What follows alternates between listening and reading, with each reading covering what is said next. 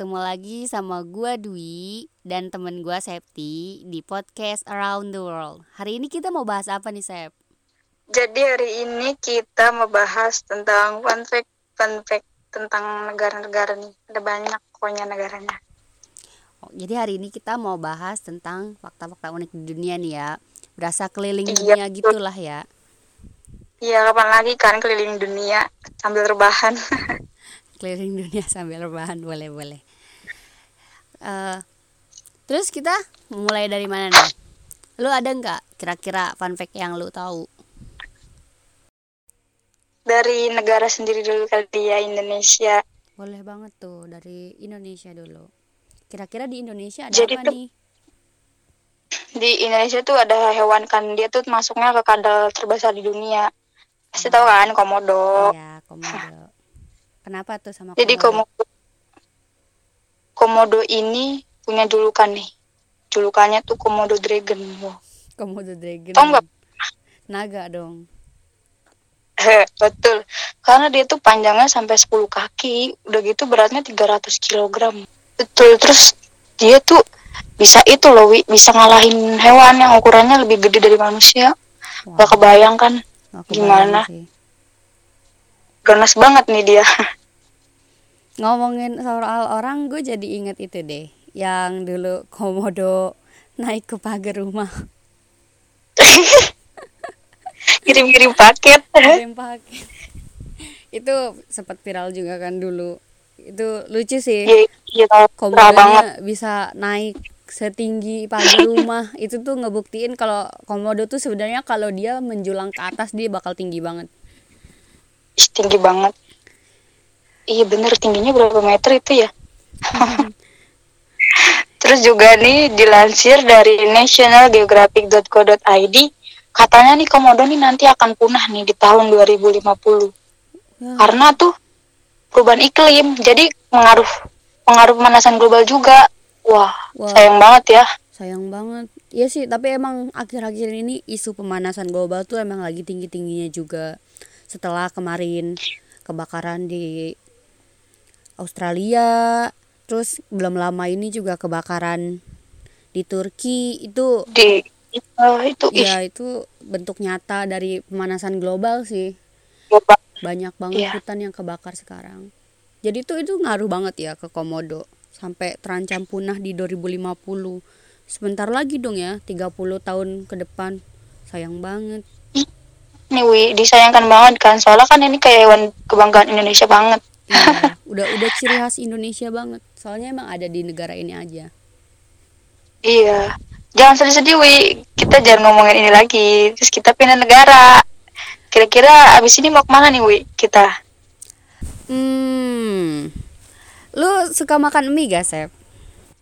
Suka-suka apalagi pakai nasi ya kan ciri khas orang Indonesia ciri khas orang Indonesia banget ya udah mie tambah nasi gitu pakai nasi udah gitu pakai telur telur.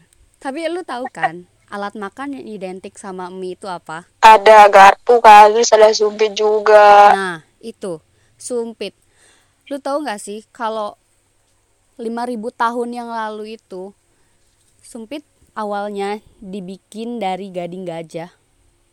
Kan kita selama ini taunya wah dari, gila dari kayu kan, dari kayu, dari bambu. Mm-mm, dari Tapi bambu zaman ya dulu tuh sumpit itu mahal banget, premium lah intinya. Pokoknya kayak nggak semua orang bisa makan pakai sumpit karena dulu dibuatnya dari dari gading gajah. Jadi Gading cuma gajah. para bangsawan aja tuh yang bisa pakai. kebayang sih itu gimana berat kali ya dulu sempitnya nggak kayak sekarang Iya. Terus kayak dulu dulu tuh modelnya itu jadi awal dibentuknya sumpit itu dia lebih panjang. Jadi buat nyelupin ke air panas atau minyak panas itu dia juga bisa gitu. Pokoknya awal-awal dulu tuh sumpit itu nggak dipakai buat makan aja, tapi buat masak. terus oh buat Hmm. masak Dan awal Sekarang juga penggunaan bagus sumpit, sih. iya sekarang juga masih ya. Hmm. Buat tukang Iya. mie ayam juga, mie, tukang mie ayam juga sekarang ada kan yang punya sumpit pribadi yang panjang banget.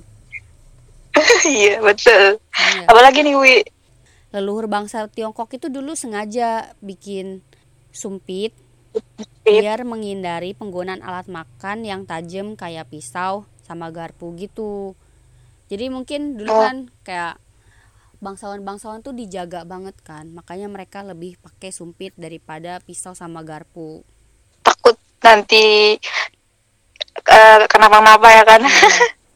pakai garpu takut kecolok kali gitu ya. Pi- pakai pisau takut lidahnya kebeset ya. Jadi akhirnya yang aman tuh pakai sumpit gitu. Iya betul tuh. Nih lu sekarang lu suka- punya apa lagi? tadi kan kita udah ke Indonesia sama Tiongkok. ke Tiongkok Cina ya. Kita ke yang gak jauh-jauh dari Cina deh Jepang Jepang. kalian tahu kan Jepang tuh kayak robotnya tuh banyak banget robot-robot sampai di restoran di mana-mana tuh kalian bisa ngeliat robot gitu kan Iya. makanya tuh di Jepang tuh kayak dinobatkan sebagai negara dengan vending machine terbanyak di dunia Oh, Wah. keren ya. Vending machine hmm, di negara kita aja cuma ada beberapa dan identik sih biasanya suka ada di dekat stasiun gitu ya. minuman ya Jalan-jalan Terus juga minuman kan Mm-mm, minuman. tapi di Jepang nih dia ada banyak loh ada sampai kayak isi sembako. Wih, isinya Sembako. sembako guys. Sembako, iya.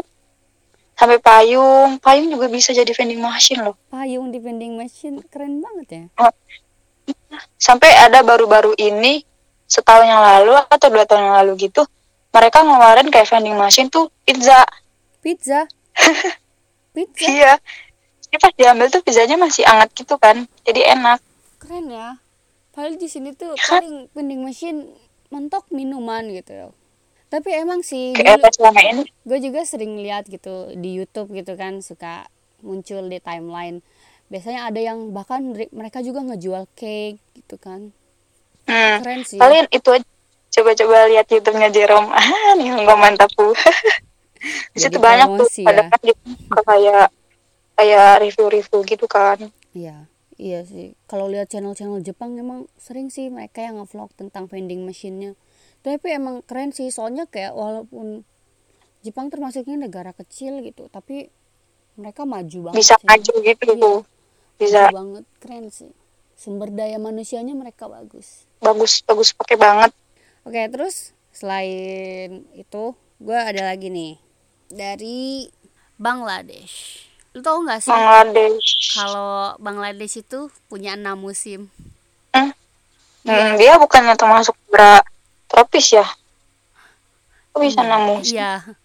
Bangladesh itu bukan India, dia negara sendiri. Jadi Bangladesh ini punya enam musim. Musim panas, musim hujan, musim gugur, sejuk, dingin, sama musim semi. Padahal kan normalnya negara itu punya empat musim kan, panas, musim, hujan, iya. semi, gugur. semi sama gugur Iya. Ini dia ada musim sejuk sama mus musim, Musim. dingin dingin. musim kalau di Indonesia musim hujan, musim dingin sejuk, musim dingin. udah nyatu Iya, kita udah sejuk sama dingin udah nyatu gitu ya. Jadi kita taunya cuma musim panas, musim hujan panas udah. hujan Iya. Ya sih kalau dipikir-pikir di Indonesia juga musimnya banyak ya. Musim panas, pancaroba, musim iya duren, musim rambutan. hutan waduh barengan. Tuh ya, gitu. Jadi Bangladesh itu termasuk banyak nih. Jadi dia ada enam. Terus baru tahu sih yang ini Iya. Nyerempet Terus apa lagi? nih, nyerempet dikit nih dari Bangladesh. Ada India. Lu tahu Waduh. kan kalau India itu Lu tahu kan kalau kalau India itu negara yang termasuk padat penduduk. Ah. Kayak ah, ah. ya, kita juga bisa lihat lah ya kayak sering orang orang kayak yang udah pernah ke India ngevlog gitu. Ya di mana mana orang tuh ya gitulah. Lu tahu kan mereka tuh macet. Iya iya. Macet. Padat. Padet gitu padat. macet iya terus nih lu tau gak sih kalau di India ini negara dengan jaringan pos terbesar di dunia? Jadi tuh ada sekitar Wah. lebih dari seri, 155 ribu kantor pos. Oh ini ah, mungkin karena itu kali ya penduduknya yang banyak. Iya, jadi tuh banyak orang yang masuk ke sana ke sini. Iya. Itu kalau misalnya waktu diskon Shopee misalnya 12 12 gimana ya orang di sini aja di bakalan Indonesia banyak paket tuh sana sini nih. Iya di Indonesia aja tuh. Biasanya kalau misalnya lu punya nomor HP-nya tukang paket biasanya mereka nih kalau udah tanggal cantik pasti ngeluh. Soalnya kayak iya. Boy gue mau pulang gitu. Kayak banyak banget ini paket yang belum Capek. gitu. iya capek. Eh, tapi di India nih ya bukan paketnya justru yang banyak tapi yang bikin kaget itu satu kantor pos itu bisa melayani sekitar tujuh tujuh ribu orang per hari gitu. Jadi tujuh ribu surat per hari gitu. Jadi kayak banyak banget itu itu per hari loh. terus Per hari. unik juga di India ini ada kantor pos terapung. Jadi dia tuh bener-bener terapung di atas air. Dan itu tuh letaknya di Danau Dal Srinagar wah di India lumayan keren juga ya di Indonesia Iya. kalau dibikin tos serapung kira-kira laku nggak ya Waduh, jangankan di yang terapung gitu. Kadang yang nggak terapung aja paketnya suka telat. Makanya kalau terapung nanti buat eh, seller-seller yang nakal, mereka yang suka nggak pakai bubble wrap, suka nggak aman, iya bisa habis deh paket kita. betul banget deh Tapi ini ada sedikit tambahan soal India. apa tuh Lu tahu kan kalau India ini sering banget macet. Nih, Eh, kan kalau di YouTube sering nonton kayak orang ke India terus bunyi Iya. klakson motor Nah, gitu banyak banget Lo tau kan di Indonesia aja tuh kadang kita suka kesel banget kayak dua detik sebelum lampu kuning udah klakson tinggi gitu kan. Hmm. Nah, di India ini lebih parah. Mereka kadang 10 detik sebelum lampu hijau juga udah klakson nih, klakson banyak banget dan dan dan dan gitu banget berisik banget. Dan yang unik ini Sama kayak di India. Iya. Dan yang unik ini lu tau gak sih kayak penanganan apa, Apa yang tuh? dibuat sama polisi-polisinya? apa Jadi Nggak mereka tahu deh. Jadi mereka nih bikin bikin alat pendeteksi suara gitu. Lo tahu kan biasanya suka ada tuh di konten-konten ASMR. iya iya Nah, terus iya terus gitu. Jadi dia taruh alat pendeteksi suaranya itu di di lampu merahnya dipasang. Jadi ketika si lampu merahnya ini udah mau dari kayak 10, 9, 8 gitu kan udah mulai tuh banyak klakson. Jadi tuh nanti ada angka tertentu. Kalau misalnya berisiknya itu ngelebihin angka itu lampu merahnya ini bakal dari ulang lagi. waduh Iya. nunggunya lama banget dong Iya makanya jadi makanya di situ semboyannya kayak makin berisik makin lama nunggu. Dan Eh, tapi tetap aja berisik ya. Iya ya tapi itu efektif nih. sekarang udah mulai berkurang di India soalnya gara-gara teknik itu. Jadi sekarang orang-orang mulai bisa lebih sabar lah ya. Oke. Semoga ya semoga nggak berubah. Berubah dong. Masa nggak berubah? Oh, oh iya salah bilang. Oke sekarang move on ke negara lain. Septi punya apa lagi nih? Kita terbang ke ke Eropa kali ya. Boleh Eropa. Aduh. Di Roma. Tahu kan? Tahu nggak sih air mancur Trevi? Tahu. Kenapa tuh? Itu tuh yang terkenal banget kan yang di film apa ya? Eh Romeo and Juliet nggak sih? Kayaknya iya. Iya iya iya. Kayaknya ya jadi Ah, dari lempar bukan koin itu Nah, iya yang lempar koin. Iya, iya, iya, itu ada di Romeo Ya kan? Iya. iya jadi pengunjung yang lempar koin di situ tuh kayak setahunnya per tahunnya bisa ngasilin lebih dari 15 miliar rupiah per Wah, tahun 15 per tahun, 15 miliar. Gila. iya 15 kalau cuma miliar. sehari nih kita bisa kalau sehari kita cuma bisa eh kita bisa dapat 45 juta 45 rupiah per hari Per hari. dari koin-koin itu Ay, gila. Per hari 45 juta. Kaya dong itu. Iya.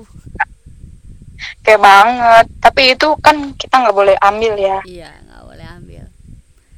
ada ada aturannya ada aturannya Iya, ada aturannya. Tapi gue terus dengar juga nih kalau kalau denger denger Roma nih kan kelihatannya kayak kota yang romantis gitu kan Iya. Katanya kalau kita lempar ke sana tuh ke kolam itu lempar koin ke kolam itu kita bakal dapet, cepet dapet jodoh nih. Aduh. Aduh. wih ada nih. Sana nggak wih kalau gue sih nanti aja ya. Hidup sendiri itu masih pusing gitu. Jadi mikirin jodohnya nanti aja. Tapi yang pernah gue baca udah lama sih. Katanya uang-uang dari kolam itu tuh dikumpulin gitu setiap malamnya gitu setiap tengah malam sama petugas yang ada gitu.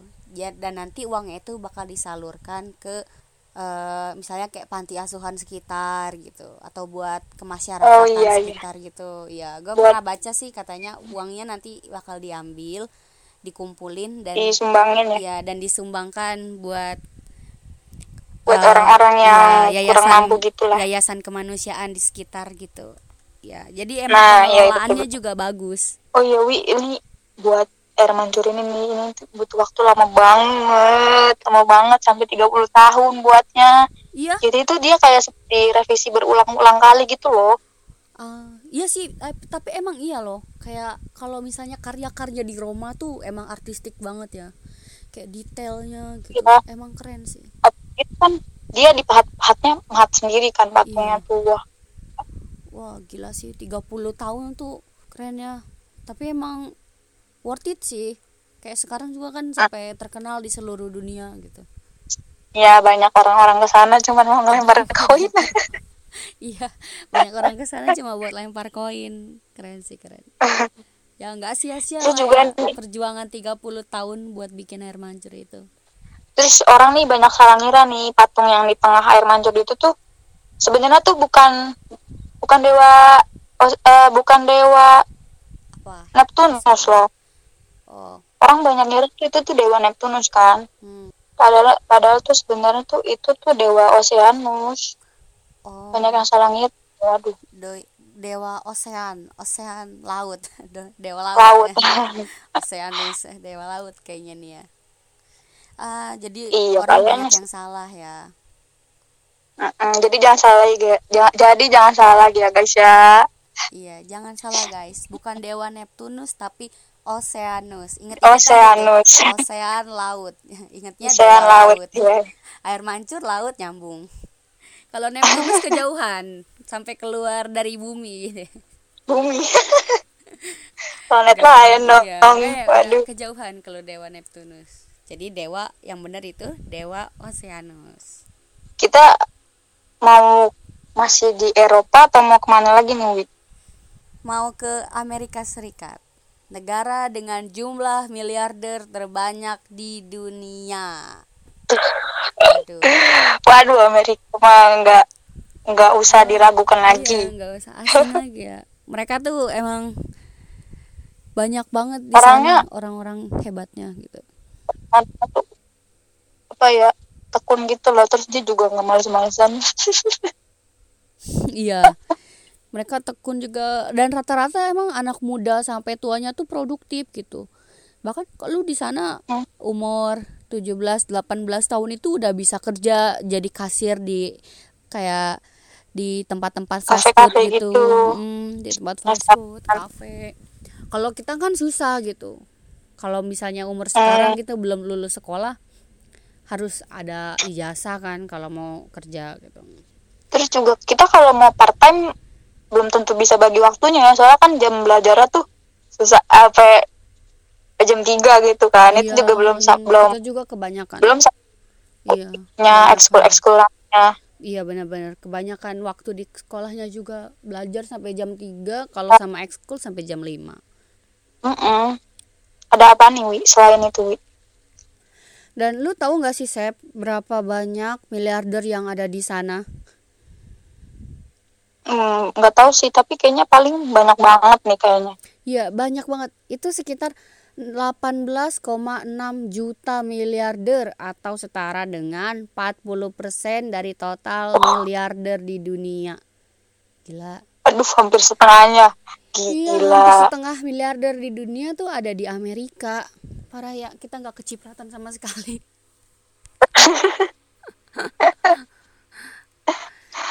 terus juga gua gue taunya fakta di Amerika tuh kayak kalau kita beli mobil di sana kita dianggap biasa aja. Tapi kayak orang kaya di sana tuh miliarder gitu dia lebih milih kayak naik kendaraan umum umum gitu dibanding Iya, mobil sendiri. Berkebalikannya gitu ya dari di sini. kebalikannya di Indo. Di Indonesia asal punya mobil, mobil sama uh. dengan kaya. Kalau beli mobil dianggap kaya terus tetangga iri nanti. Mereka juga ikutan beli gitu. Eh sebenarnya mah kan orang kaya tuh justru mereka biasanya bakalan lebih sederhana gitu daripada yang so kaya gitu kan.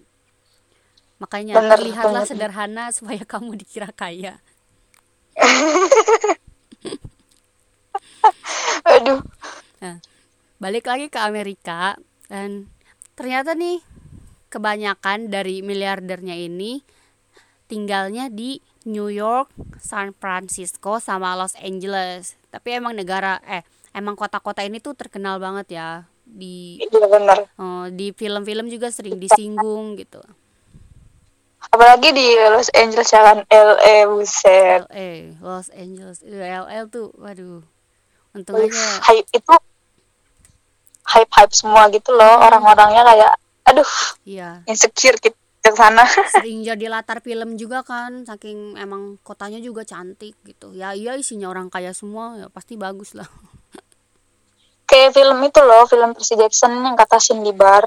Kan itu di Oh. LA iya iya iya benar benar benar. Itu keren sih. Barnya juga di sana cantik cantik sih. Mereka furniture-nya juga nggak nggak main-main. Bagus. Berani gitu ya. New York juga sering banget jadi latar film latar utama film gitu. Kayak banyak film yang diproduksi kayak hampir seluruh scene-nya ada di New York gitu Di kan. New York. Mm-mm. sampai ada lagu kan ya. New York. New York. Ada lagunya gitu kan. Terus Cruella juga lu tahu kan film Cruella? Dia juga iya di iya New tahu tahu. Keren par itu keren sih. Iya. kita bukan segmen bahas film nih aduh. Ah, aduh jangan. Nanti itu nanti. aduh itu ada segmennya tersendiri. Oke nih lanjut. bikin Septi punya apa nih? Punya apa lagi? Keluarin semua. Ayo kita bahas semua di sini. Kita bahas semua kita terbang ke ke Afrika. Waduh Afrika. Oh Afrika. Orang tuh kan taunya Afrika kayak apa ya kayak Negara- tanahnya tanah gitu. gitu gersang. Heeh. aduh jangan tapi keterlaluan. mereka mereka nggak tahu nih. Mereka nggak tahu kalau di Afrika Serikat tuh pernah ditemuin berlian pertama terbesar di dunia Hah? Berlian terbesar yang pertama kali ditemukan di dunia itu ada di Afrika nih. iya itu tuh eh, kapas tahun 1905 jadi tuh ada eh, pengawas tambang terus namanya tuh dia Freddy Quells dia nemuin nemuin berlian nah itu tuh berliannya tuh gede banget tahu nggak Iya, segede apa tuh kira-kira? itu tuh ini tuh eh, berliannya tuh eh, jenisnya batu mulia terus beratnya tuh sampai 3106 karat kalau kita ukur-ukur sih di Indonesia kayak satu satu buah bola basket gitu ya beratnya Wah, gila. Satu bola basket. oh Berat banget dong ya. kayak apa Wah, gila sih. kayak berlian kecil di cincin aja kan mahal banget jadi Iya. apalagi segitu ya Berlian tuh serbuknya aja mahal gitu ya. Apalagi satu bola basket gitu. Nggak bisa bayangin sih itu berapa harganya. Pasti mahal banget sih ya. iya betul sih mahalnya uh udah kelewatan Eh, nggak bisa bayangin harganya. berlian ini dikasih nama culinan nih Niwi eh berlian Kulinan. ini dikasih nama culinan Niwi Culinan. karena Mm-mm. Kulinan. karena yang tadi bilang yang tadi gue bilang kan tadi si pengawasnya si Quells itu dia nemuin berliannya kan terus Hmm. habis itu dia serahin sama pemilik tambangnya nah yang kebetulan namanya nih Thomas Culinan nih jadi itu tuh alasan kenapa nama berliannya dijuluki sebagai berlian Culinan Ah, jadi sesuai nama pemilik tambangnya. pemilik ya. tambangnya Hmm. iya betul Uh, kayak langsung Terus- kayak mendadak nih dia. eh, tapi terkenal pemilik gitu tambang ya. mah udah pasti kaya sih ya. Waduh, tambah Iya. kaya aja nih dia. jelas udah kaya tambah kaya karena berlian waduh Ih, gila sih. Jadi kalinan ini nih waktu dulu tuh habis ditemuin gitu nggak lama beliannya tuh dijual sama pemerintah provinsi Transvaal. Transfer. Terus dari dari pemerintah provinsi Transvaal ini dia langsung ngasih ke Raja Inggris. Raja Inggris apa ya siapa ya namanya Edward yang ke raja yang ke tujuh untuk hadiah ulang tahun. Wow. Ah, Ulang jadi tahunnya aja berlian. gila menang banyak itu raja. Lu Kita kalau ulang tahun dikasih, di hari kayaknya kita dikasih coklat waktu ulang tahunnya itu udah seneng banget ya. Ini dikasih berlian. Mantap. Dan waduh. Langsung dijadiin Tapi ini- mahkota itu kayaknya. Habis dari Afrika kita mau lanjut ke mana lagi nih Wi? Aduh, udah Dari keliling Afrika- dunia banyak nih tapi Dari Afrika kita ke Madagaskar. Lu tahu kan Madagaskar? Terkenal lah sama Tahu. filmnya The Penguin of Madagascar. si tiga penguin di itu ya Iya. yang terkenal banget itu kayak ekor cincin. Mm-mm. Nah, lu tahu nggak sih sebanyak 90% tanaman dan hewan di Madagaskar gak ditemuin di belahan bumi mana pun, alias benar-benar identik ada di sana dan cuma ada di sana. Waduh, wah gila ngalang-ngalin Indonesia ini mah. Iya. Ya Indonesia punya komodo sama bunga bangke yang gak ada di mana-mana. Nah, di Madagaskar Ah. ini 90 persennya itu cuma ada di mereka gitu. Jadi bener-bener kayak lu kalau mau ngelihat hewan ini cuma ada di situ, nggak ada di dunia mana mana lagi gitu, susah gitu. Nah kayak, Udah jelas kan mm-mm. 90% kan kayak wah wah makanya kalau misalnya buat pecinta hewan sama tanaman gitu, wajib banget ke Madagaskar gitu. Iya, wajib banget ke sana buat ngeliat tanaman yang cuma ada di sana. Karena kayak susah ngelihatnya gitu. apalagi. Hmm. Gue denger tuh di sana tuh ter- terkenal banget sama lemurnya kan. Lu Iya. tau lemur kan? Hmm, tahu tahu. Si ekor cincin. Iya, si lemur itu si ekor cincin itu kan ya. Ekor cincin dan para dayang-dayangnya. Iya, terus si penduduk asli Madagaskar ini tuh menganggap lemurnya sebagai hewan suci yang dilindungi. Jadi nggak heran di sana tuh ada sekitar 30 lebih jenis spesies lemur. Nih kayaknya kenapa Raja Julian Di sombong? filmnya juga Iya. Julian dipuja-puja. Iya, kenapa Raja Julian sombong dan Boleh merasa dia jadi tanah. raja? Karena dia dianggap hewan suci di sana, dimanja sama penduduk dan masyarakatnya gitu. Masuk akal juga ya berarti Iya, filmnya. berarti Wah, film itu emang masuk akal sih. jadi ingat film. Jadi pengen rewatch. Ah, iya. Tapi emang wajib sih ditonton lagi. Aduh, jadi nyerempet ke film lagi. Jadi kalau mau nonton podcast bahas-bahas film ada di sebelah ya. ada di sebelah. Jadi emang Madagaskar ini unik banget gitu. Kayak banyak hewan yang ada di sana gitu. Terus penduduknya yang menganggap lemur ini hewan yang suci gitu. Jadi kita mau udah di sini atau mau lanjut lagi nih Wi ke negara lain? Tapi kayaknya udah banyak ya kita keliling dunia dari tadi ada Tiongkok, Amerika, terus sekarang Madagaskar, India, ya kan? eh, Bangladesh, Laskar, negara kita tercinta Indonesia gitu. Indonesia, waduh. Kayaknya mungkin kita tutup sampai sini dulu ya guys. Gitu. Wah udah banyak nih ya guys kita keliling dunia. Tadi ada Tiongkok, ada Amerika, ada Madagaskar, India. India, Bangladesh, dan ada juga negara kita tercinta Indonesia. Gitu. Indonesia. Iya, gue rasa sampai sini aja ya guys perjumpaan kita kali ini. Sampai jumpa di podcast podcast kita berikutnya. Selanjutnya, jangan lupa dengerin sampai habis. Hehehe. Jangan lupa dengerin sampai habis ya guys. Jangan lupa jangan lupa di like dan share juga. Makasih banyak. Jangan- Dadah. Bisa. Dadah. Dadah.